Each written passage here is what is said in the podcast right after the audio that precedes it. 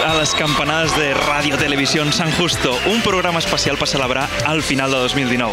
Un especial ple de top 5, top 10, top 15, tot el que faci falta. És a dir, un programa digne de ràdios generalistes, on fer llistes omple més que crear nou contingut. I com a bons minyons, seguirem el codi ètic de TV3 si serem políticament correctes. Així que si esperàveu un empanar cultural on poder corejar un bon goraeta o que Hitler no va fer res dolent, aquest no és el vostre programa. Haureu d'esperar passat festes, passat Nadal, quan tot torna a la normalitat, quan tothom torna a la realitat.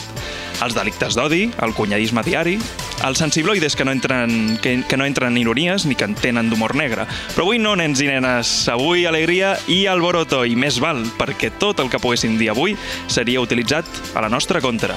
Perquè encara que sigui Nadal, ni la Fiscalia ni la Maroteca descansen, i la ràdio no perdona.